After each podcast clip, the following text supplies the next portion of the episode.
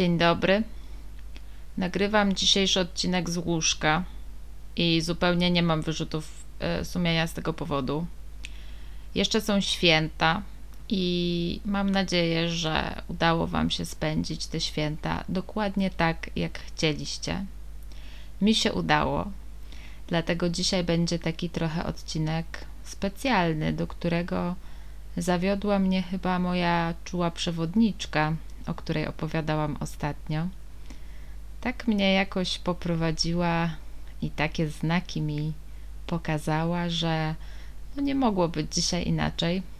I jeszcze są święta. I mi te święta dość nieoczekiwanie udało się spędzić z moją mamą. I to dlatego, że bardzo chciałam, a nie, że były takie oczekiwania wobec mnie. Więc ja spędziłam te święta bardzo tak, jak chciałam. Natomiast, prawdę mówiąc, od wielu już lat nie jest tak, że każde święta spędzam z rodziną, czy raczej właśnie powinnam powiedzieć z rodzicami albo z mamą, bo właściwie rodzinę, no to już mam trochę swoją. I powody były różne. Czasami było tak, że pracowałam i jeszcze wtedy, wyobraźcie sobie, nikt nie słyszał o pracy zdalnej i trzeba było na przykład decydować, czy się w pracy bierze święta czy sylwestra pracującego. I no trzeba było wybrać. Czasami po prostu no, nie mogłam wziąć urlopu i wyjechać, bo moja mama od wielu lat mieszka w Szwecji i to zawsze trochę jednak komplikowało sprawę, bo to nie jest tak, że się wsiada do pociągu i nawet po pięciu godzinach się jest, tylko przesiadki, dogrywanie lotów, e, ceny kosmiczne na święta. A czasami nie chciałam jechać na święta, bo moja relacja z mamą układała się różnie. I bywały takie okresy, kiedy po prostu e, nie chciałam z nią jakoś przebywać dłużej. I były takie okresy, kiedy potrzebowałam postawić mur albo tamę albo granicę. Musiałam się tym Morzem Bałtyckim odgrodzić od niej, bo tak potrzebowałam. I moja mama, nawet jeśli tego nie rozumiała, to nigdy nie powiedziała mi nic na ten temat i jestem jej za to wdzięczna. I tak jak dzisiaj sobie o tym myślę, to chyba jednak bardziej byłam więźniem swoich własnych oczekiwań niż jej oczekiwań. Ale tym razem bardzo chciałam się z nią zobaczyć. Może potrzebowałam się poczuć znów przez chwilę bezpiecznie w tej sytuacji, w której wszyscy jesteśmy. Może miałam potrzebę poczucia się trochę jak dziecko, żeby ktoś pokroił mi owoce i przyniósł na górę, żeby ktoś mi zrobił kanapeczki, żebym nie musiała w ogóle ogarniać żadnych świąt, żadnych kolejek po pierogi do zapiecka, żeby na chwilę tak zawinąć sobie do portu, którego przez wiele lat czułam się pozbawiona, bo moja mama wyjechała do Szwecji, kiedy ja ledwie zaczęłam studia i to jest naprawdę bardzo wcześnie, jak się ma 20 lat. I to niby, wiecie, miałam gdzie mieszkać, miałam chłopaka, nawet miałam pracę już, no i też oczywiście mogłam się przenieść do Szwecji, ale po prostu no, nie za bardzo chciałam. Jakoś długo próbowałam e, z tą Szwecją się zaprzyjaźnić. Chodziłam na kurs szwedzkiego, bardzo dużo czytałam o, o Szwecji. Pojechałam nawet kurwa do Laponii w lutym na koło polarne zrobić reportaż o samach. Po prostu tak nie chciałam się czuć jak turystka, kiedy przyjeżdżałam do mamy ale to się nie udało. I nie wiem, czy to chodzi o kraj, czy raczej chodzi o to, że gniazdo i ten dom rodzinny ma się w życiu tylko jeden. I jeśli to gniazdo przyniesie się na całkiem inne drzewo, to już po prostu nie to samo. I bardzo to przeżyłam. I bardzo długo nie mogłam się w ogóle po tym odbudować, bo totalnie nie byłam gotowa na takie prawdziwe dorosłe życie, mimo że tak mi się wydawało, a przy tym chciałam być bardzo dzielna. Jednak dom rodzinny to powinno być takie miejsce, do którego można zawsze wrócić, zawsze uciec, zawsze się w nim schować. I potem też było tak, że rozstałam się z tym chłopakiem. Ta praca jakby nie przyniosła mi jakiegoś wielkiego szczęścia. Tułałam się po różnych wynajętych mieszkaniach, no i nie miałam swojego domu, po prostu nie miałam swojego miejsca. Taka się czułam trochę znikąd i nawet jak ktoś mnie pytał skąd jesteś, to mówiłam, ale no to miejsce po prostu przestało cokolwiek dla mnie znaczyć, bo już tam nie jeździłam, nie miałam tam żadnej rodziny, nie jeździłam w weekendy, nie przywoziłam słoików. No i chyba to sprawiło też, że zapragnęłam podróżować.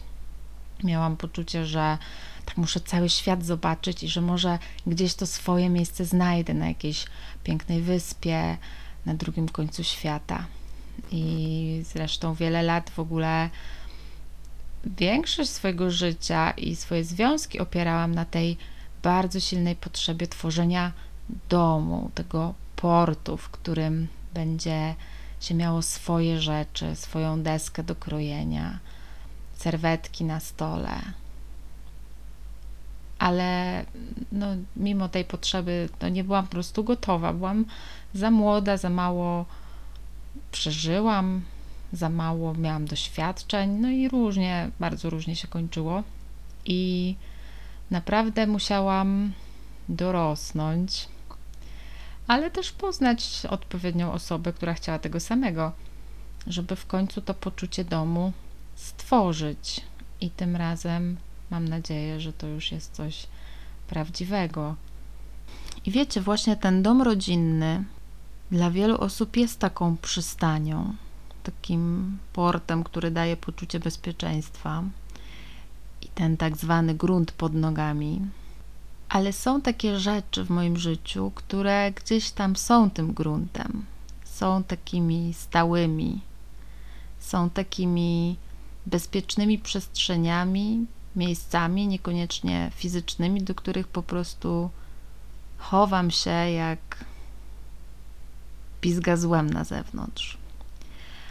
No i pierwszym takim miejscem jest moja rodzina, ale nie chodzi mi o rodzinę z krwi, bo z tą mam różne stosunki, ale o taką rodzinę z wyboru, którą sobie stworzyłam, którą stworzyliśmy wspólnie z moimi przyjaciółmi e, i z tymi, których ja po prostu wybieram na swoją rodzinę.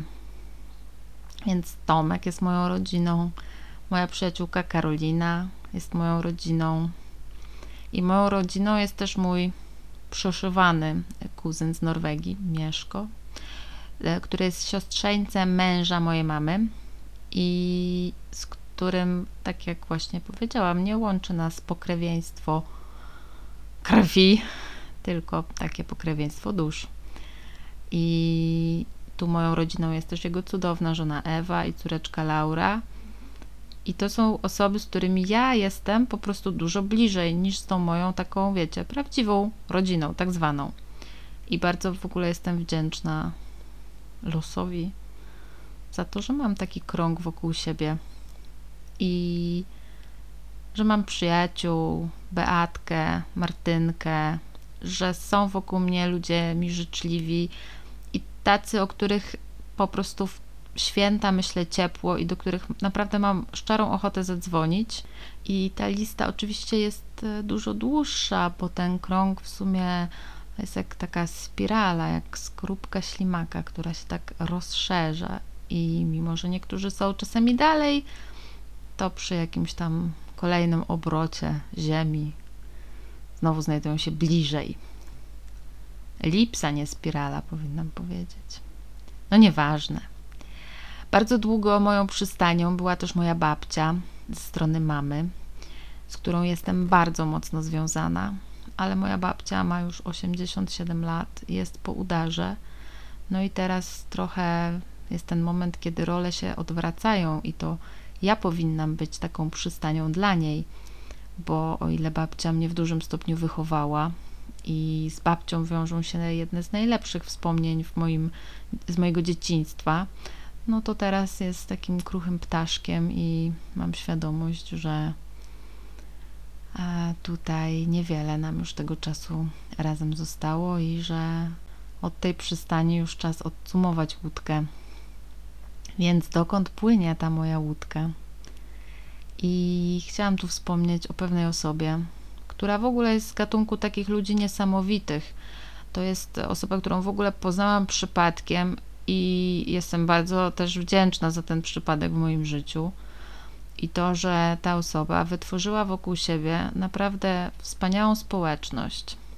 I mówię tu o Małgosi Halber, autorce Najgorszego człowieka na świecie i współautorce książki o miłości, twórczyni projektu Dobro, w którym przekazuje bliskim, drogim jej sercu osobom unikatowe zeszyty robione ze starych papierów. No i Gosia jest taką osobą, są takie osoby planety, takie, które skupiają wokół siebie innych i ma się ochotę po prostu jak satelita wokół tej osoby krążyć, zawsze być gdzieś blisko. No i właśnie Małgosia jest taką osobą planetą, a ja mam zaszczyt i nie boję się tego słowa tutaj, należeć do właśnie orbitujących wokół niej satelitów. I razem ze mną jest dosyć spora grupa wspaniałych kobiet. I to jest taka grupa, z której płynie ogromna siła. I nieważne, czy burza, czy flauta, czy 10 w skali Beauforta, tam zawsze można zawinąć do tej zatoczki, zostać wysłuchanym i dostaje się tylko wsparcie i miłość. I to nawet jak odsłania się wszystko i ten miękki brzuszek. Więc z tego miejsca bardzo Ci, Gosiu, dziękuję, że jesteś moją przystanią. No i taką przystanią są dla mnie też e, wspomnienia z dzieciństwa, ale to też nie tak ogólnie dzieciństwo, tylko takie wspomnienia, które są uruchamiane przez coś, co dzieje się teraz. Wiecie, że jest jakiś trigger i nagle przed oczami staje Wam jakaś scena. I na przykład teraz, tej Wielkanocy, moja mama powiedziała: Chodź się przejdziemy, zobaczymy, czy sąsiadom już wychodzą e, kwiaty w ogródkach. I to od razu przypomniało mi wakacje u mojej drugiej babci ze strony taty, która mieszkała na wsi. I jak byłam dzieckiem, to spędzałam tam naprawdę najcudowniejsze wakacje świata, bo babcia miała ogródek, warzywniak, szklarnię, kurnik z kurami, i codziennie rano chodziłam do kurnika po jajka i wyjmowałam jeszcze takie ciepłe z tej grzędy. I w ogóle mam miliony wspomnień z tych wakacji. Takich wspomnień, no nie do podrobienia. Czyli, że zrywam czerwone porzeczki prosto z krzaka i pakuję sobie do buzi. E, pomidor zerwany prosto w szklarni, taki nagrzany, cieplutki, słodki i ten sok pomidorowy cieknący po palcach Albo jak babcia wysyłała mnie do ogródka, żebym narwała koperku do zupy. Ale najlepszym takim wspomnieniem to jest mój i mojej babci rytuał, który polegał na tym, że wieczorem szłyśmy się przejść do kiosku.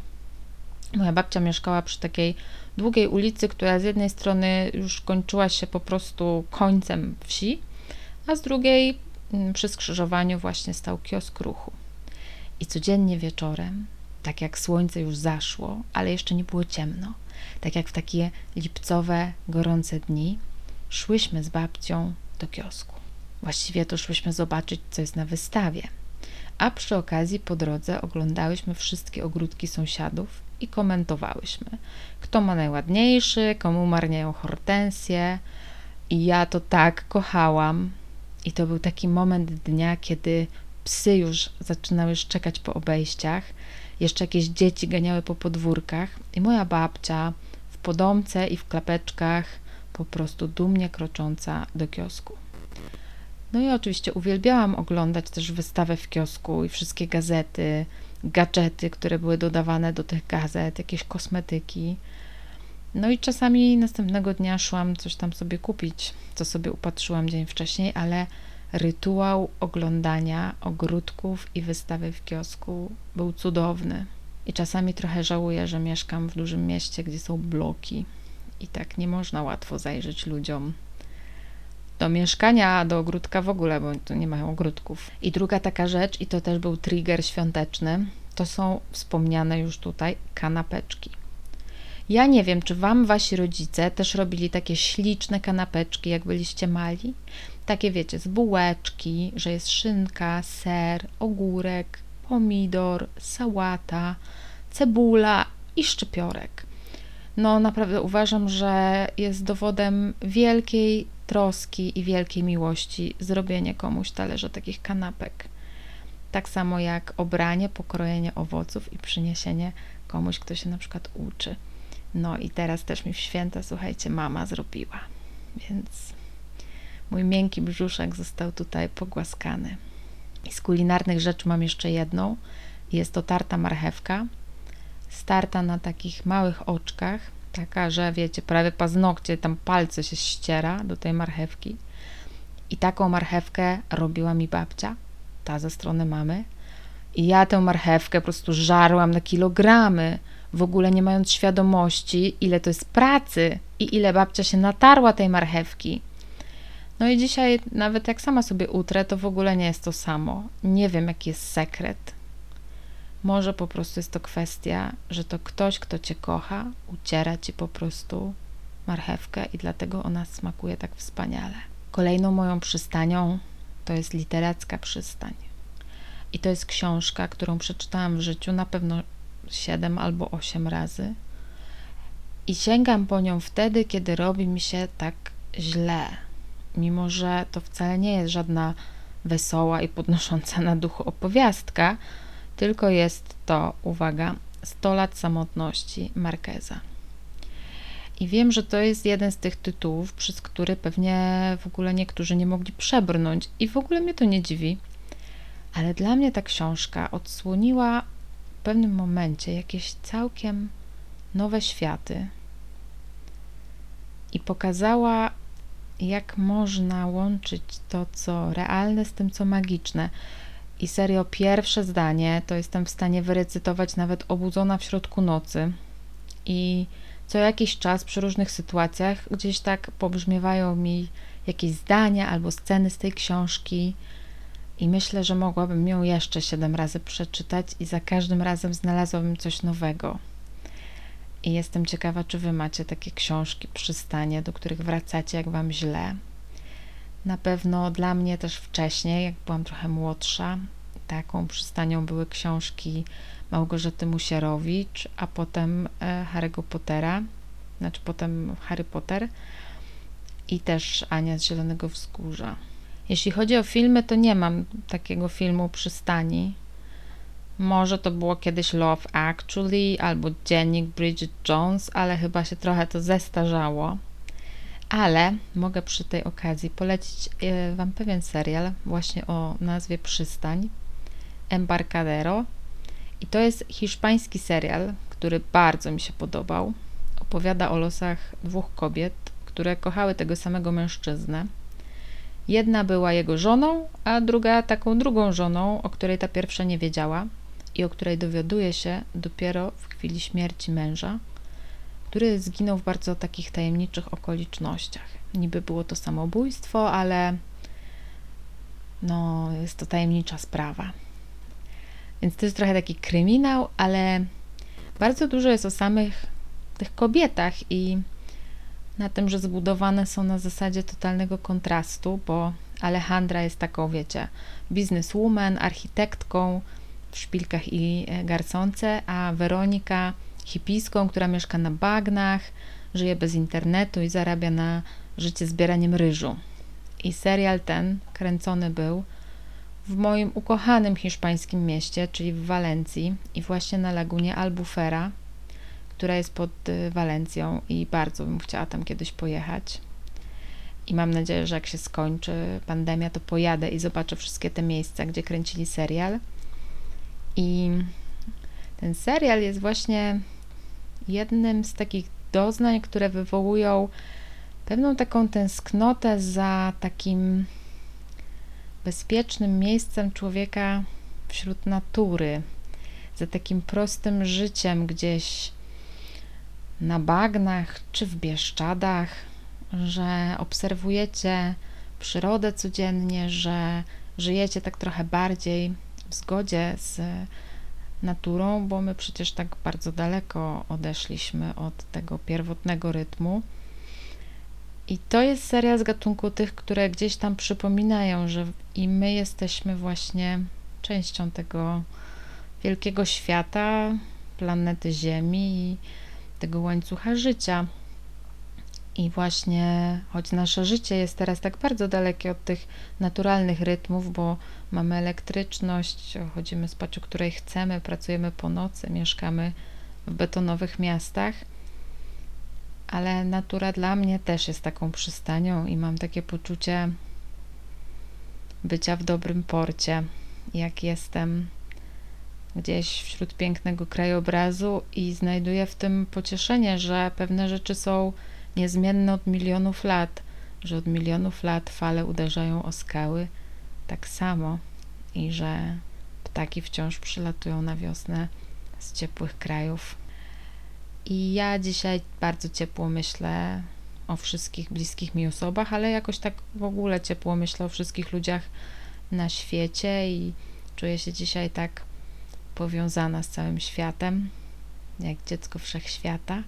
Więc aż sobie znalazłam ten cytat i jest to cytat z Dezyderaty Maxa Ermana i wam teraz zarecytuję. Jesteś dzieckiem wszechświata, nie mniej niż drzewa i gwiazdy. Masz prawo być tutaj. I czy to jest dla ciebie jasne, czy nie, wszechświat bez wątpienia jest na dobrej drodze. I z tą myślą Was dzisiaj zostawiam. Bądźcie zdrowi i dbajcie o siebie. Do usłyszenia.